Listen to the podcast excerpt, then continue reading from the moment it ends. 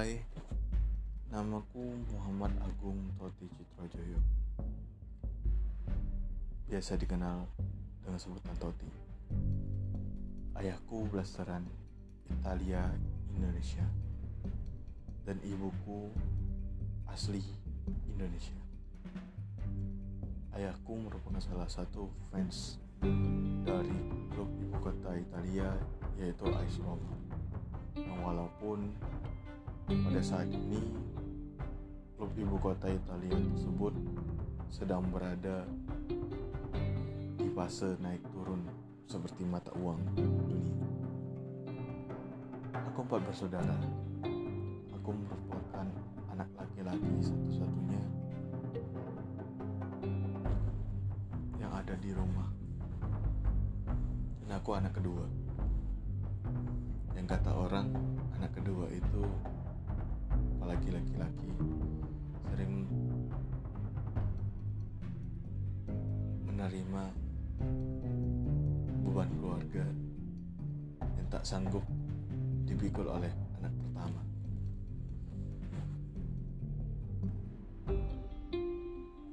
Aku suka jalan-jalan, menikmati setiap tempat yang aku singgahi, baik itu di dalam negeri maupun di luar negeri. Aku juga suka kopi. Malahan aku sering memperhatikan kopi keliling abang-abangan dengan hati yang senang, jiwa yang tentram, dan berharap dagangannya laku.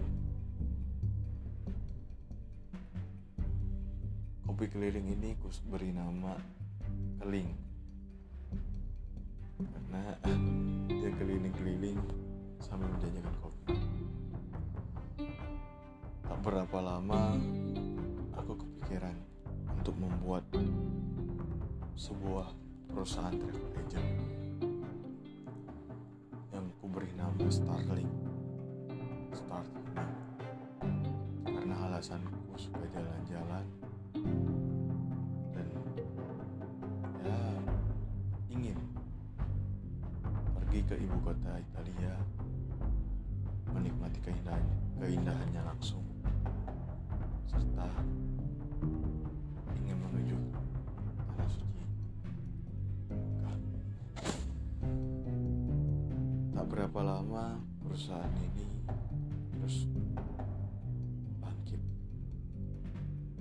mulai dikenal oleh banyak orang hingga membuka cabang-cabang di beberapa kota besar. Tak lama setelah perusahaan ini bergerak di bidang travel agent, aku membuka lowongan pekerjaan untuk sekretarisku yang telah wafat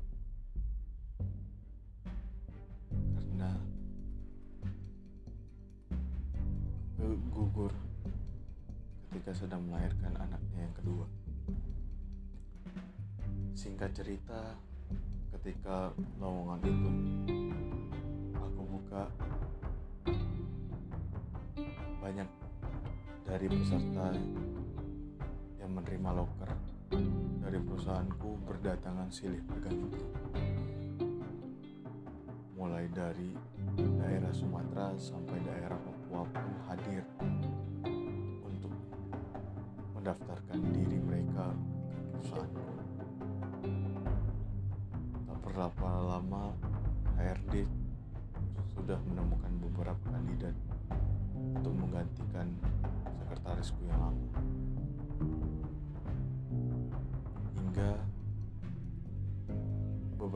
Kandidat itu dilaporkan kepadaku. Kandidat-kandidat yang dipilihkan oleh HRD ku amatlah kompeten karena dilihat dari CV mereka mereka merupakan salah satu yang ahli dalam bidang Setelah beberapa lama aku melihat CV-CV yang telah bertumpuk di meja kerjaku, aku pun melirik salah satu CV yang ada di dalam tumpukan tersebut. Terlihat ada satu nama wanita yang menjadi daya tarik untuk diriku. Namanya adalah Lara Cinta Dewantari. Aku terpikat olehnya. Lama setelah kupilih, RD pun menyetujuinya. Karena dia bilang dari semua kandidat, aku memilih dia. Karena dia begitu luas, berkompeten, gak mampu menjawab semua pertanyaanku dengan baik dan benar. Tak lama kemudian, keesokan harinya, RD ku menghubungi beliau. Setelah menghubunginya, dia pun hadir menemui HRD ku dan langsung menemuiku. Aku langsung dia. Ketika dia baru mengetuk pintu ruanganku dan ku izinkan masuk, aku terpesona. Akan sosok paras yang bisa dibilang good looking dengan tinggi 160 dengan jilbab syar'i dengan paras yang cantik. Dia putih ada lesung pipi kanan dan kiri. Dengan senyum yang terpukau dia melangkahkan kaki menuju meja kerjaku dengan pasti kupersilakan duduk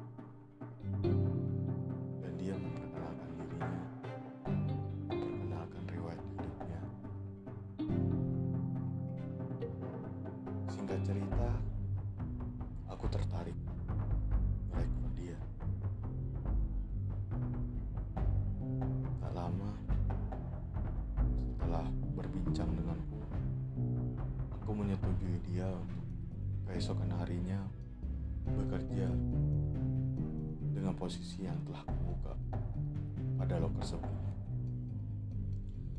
Dia menjadi sekretarisku dan asisten pribadiku. Dan dia menyanggupi hal itu. Tak lama setelah kita berbincang, bergegas untuk undur diri dan aku berjumpa dengannya di keesokan harinya. Pada saat keesokan harinya, dia muncul dengan membawa berkas-berkas yang telah lama tersusun rapi di meja sekretarisku yang dulu. Sebelumnya telah di backup oleh Yona. Yona ini yang merupakan salah satu pegawaiku yang membackup seluruh kerjaan sekretarisku yang lama. Yang saat ini telah dipegang oleh cinta. Tak berapa lama kinerja cinta bagus. Mempromosikan dia menjadi kepala cabang di cabangku yang lain. Awalnya dia kaget karena dia pikir dia bakal jadi sekretarisnya ya.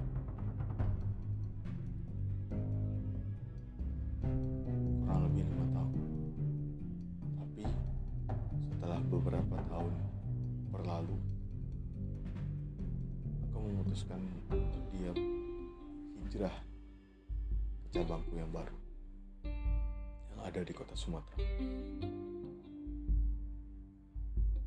Setelah berapa lama, kinerja dia lebih baik dari cabang-cabang yang lain. Aku terpikat dengan dia. Hati ini tak akan salah memilih. Akhirnya aku mencoba mendekati dia.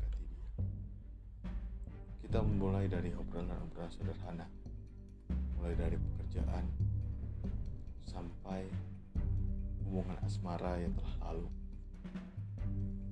Tak berapa lama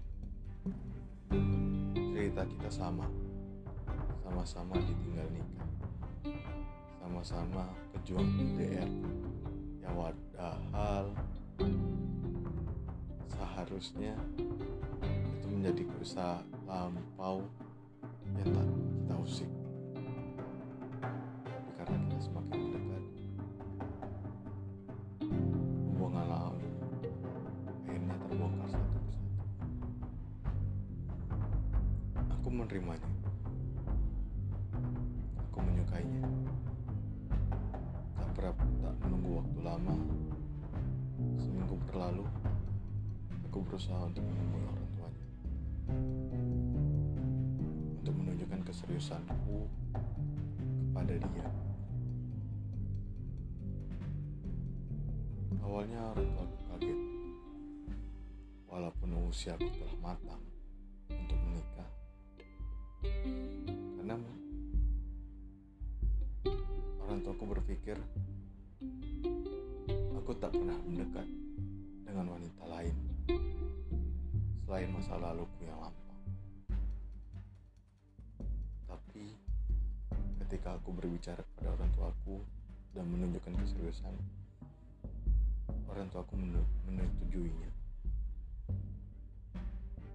Dan dia menyemangati serta mendoakan semoga ini merupakan pilihan yang terakhir dan yang terbaik yang dikirim Tuhan untuk dengan bermodalkan restu dari orang tua aku menuju rumah. Rumahnya tak jauh dari sekitar 50 km aku telah tiba di depan rumahnya. Aku ketuk pintu rumahnya sambil kuucapkan salam. Tak lama keluarlah sosok tinggi besar yang telah termakan usia dengan rambut putih yang mengelilinginya dia buka pintu sambil heran melihat sosok lelaki yang ada di depan pintu. Aku menyelami. Selamat siang bapak. Apa benar ini Pak Adi? Bapak dari cinta ya betul. Aku bapaknya cinta anda siapa? Kenalin pak. Saya Muhammad Agung Toti Citrojoyo calon suami dari cinta. Sontak Pak Adi kaget. Hah? Cintamu menikah? Cinta tidak pernah menceritakan siapa pun yang dekat dengan dia. Aku tak tahu soal lamaran ini. Kenapa datang mendadak? Kenapa nggak hilang dari jauh-jauh hari? Kata Pak Adi dengan terkejut. Lalu aku bilang maaf Pak. Ini awal permulaan untukku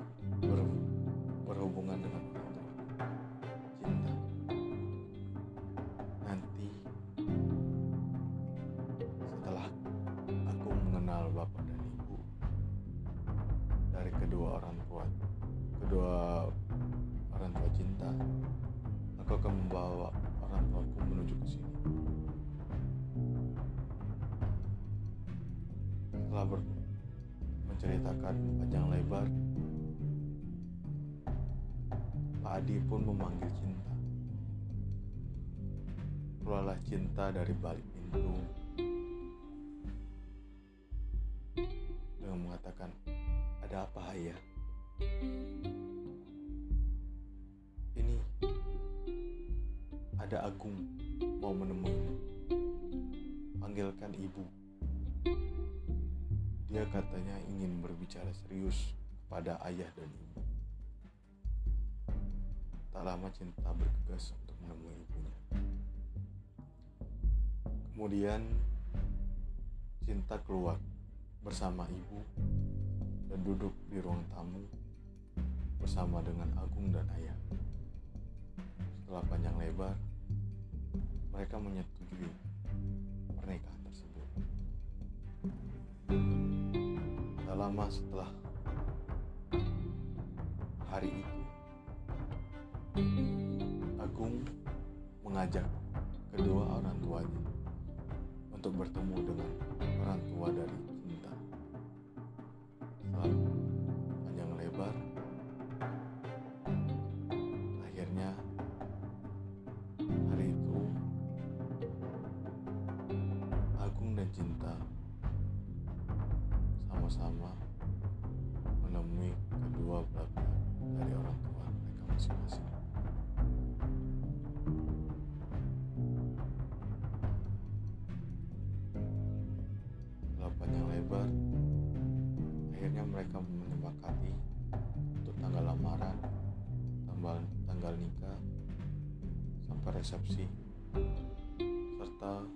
baju adat segala macam.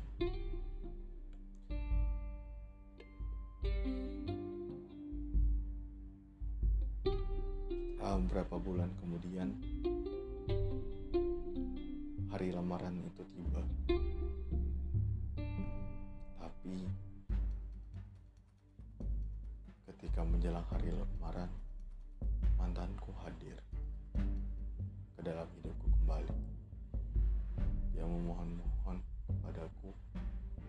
kembali kepada dia. Dia menangis terseduh-seduh ketika mendengar bahwa aku akan menikahi cinta.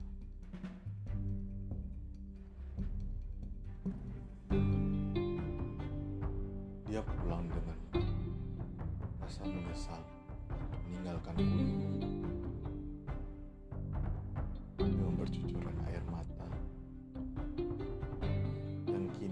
dapat aku sesali lagi. Karena dia pergi bersama dengan yang lain sedangkan aku sendiri pada saat itu. Ketika lamaran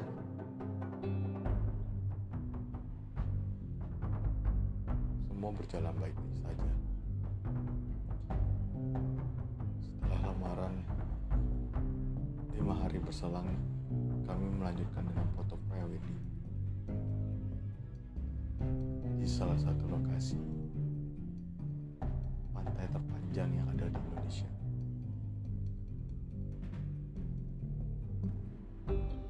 Setelah selesai dari foto pre-wedding tersebut, dia pun hadir kembali. Tapi kini dia menemui cinta calon istriku dengan bermohon dan dia bisa balik lagi dan mempunyai ikatan yang lebih jauh kembali. Tapi cinta menolak karena kita setelah jauh melangkah sampai sini. Putus asa, mantanku terus menghubungiku. Untuk membatalkan pernikahan aku dan cinta.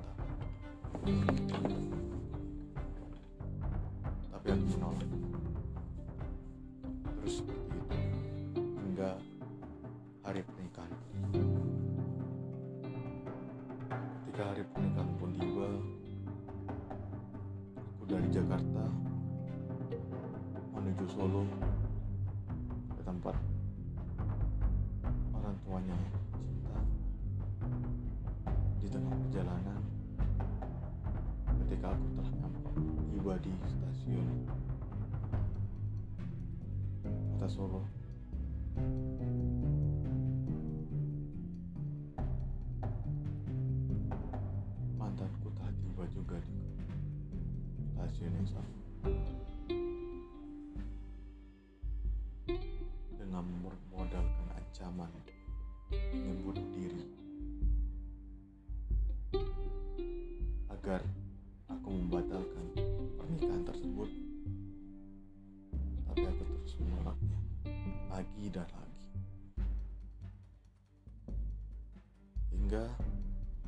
ancaman terakhirnya adalah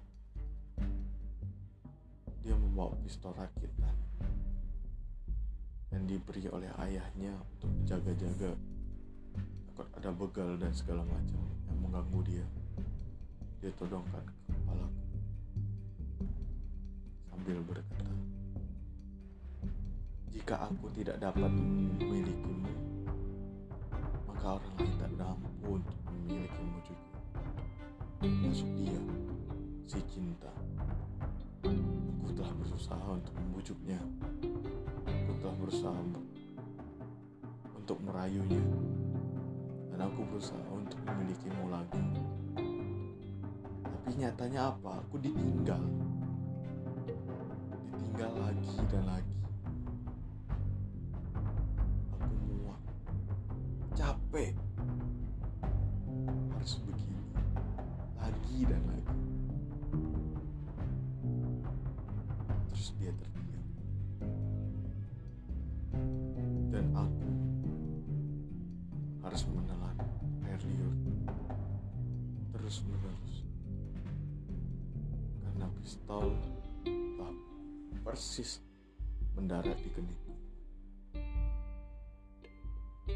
tinggal dia tarik pelatungnya mungkin nyawaku akan melayang aku berusaha untuk menguatkan diri untuk membujuknya agar tak melakukan hal tersebut.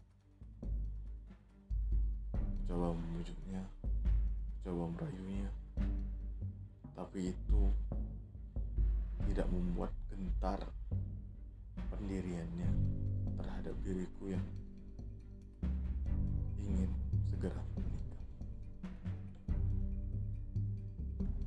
Setelah beberapa lama berlalu, teleponku berdering. Tertulis nama cinta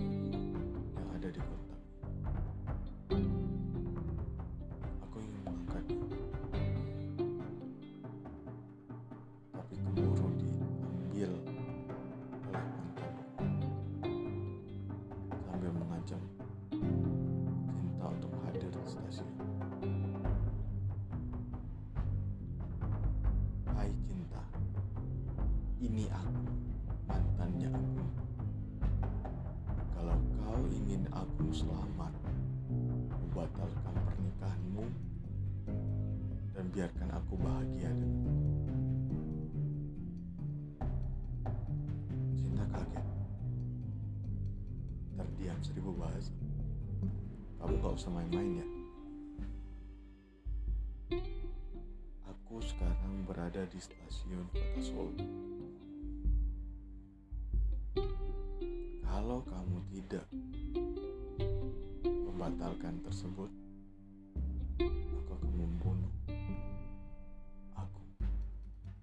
depan mataku sendiri. Cinta kembali terdiam. Hei cinta, kalau kau ingin ada pesan-pesan terakhir, temui aku dan Agung di stasiun kota Solo.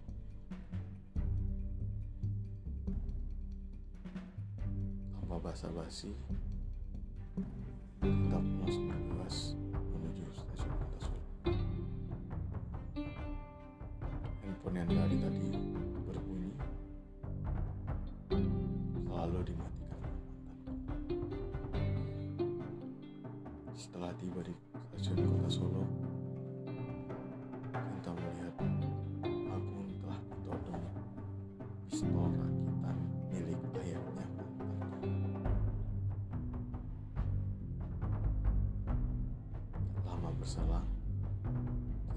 coba memulai mendekati mantannya si Agung tersebut.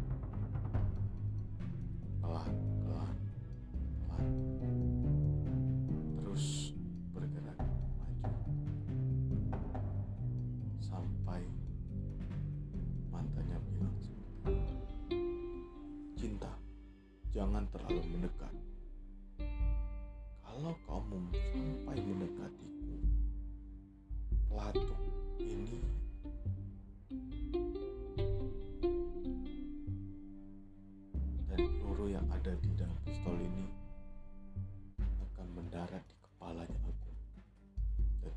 tidak akan sama-sama mendapatkan agung menjadi pasangan. Kamu pilih yang mana? Kamu batalkan nikah pernikahanmu dan aku bahagia dengan dia, atau kamu akan membiarkan Agung mati di hadapanmu?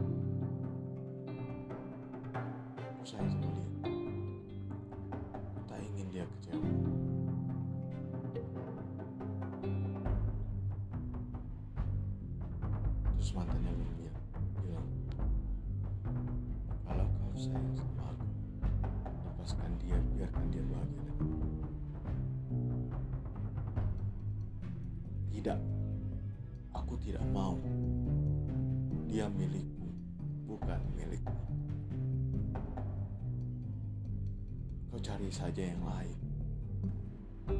Aku lebih pantas dengan pun timbang denganmu. Kau telah mengecewakan dia. Kau telah membuat dia sakit.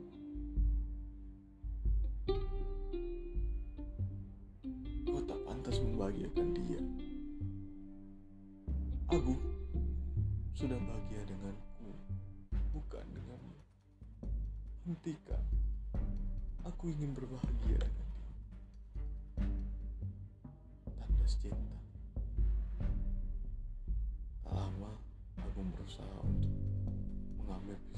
ada di tangan kita.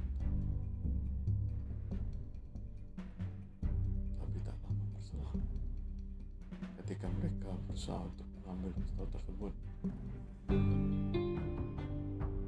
peluru yang ada di pistol tersebut tertancap di dada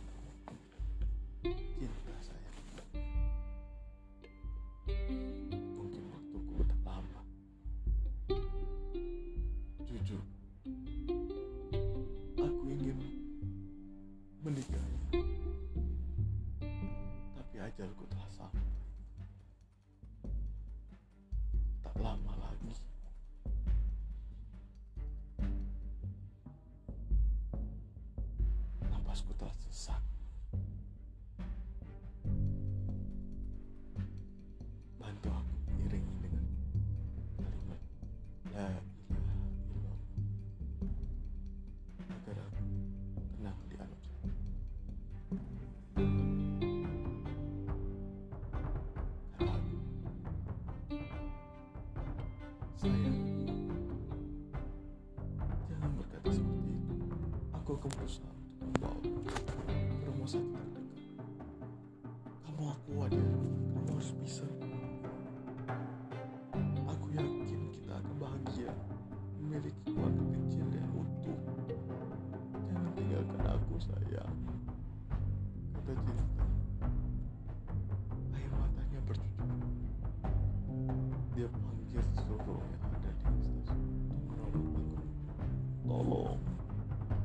tolong calon suamiku. Tolong bantu dia. Aku ingin bahagia sama dia.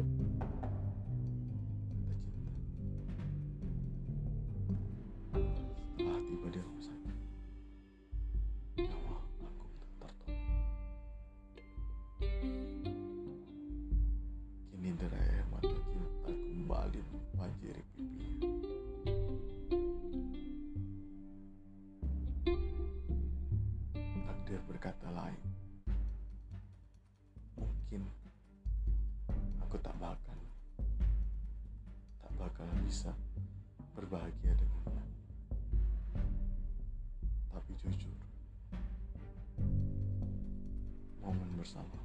Tak akan pernah terlupakan dari aku. Cinta. Tertulis di bunga yang ada di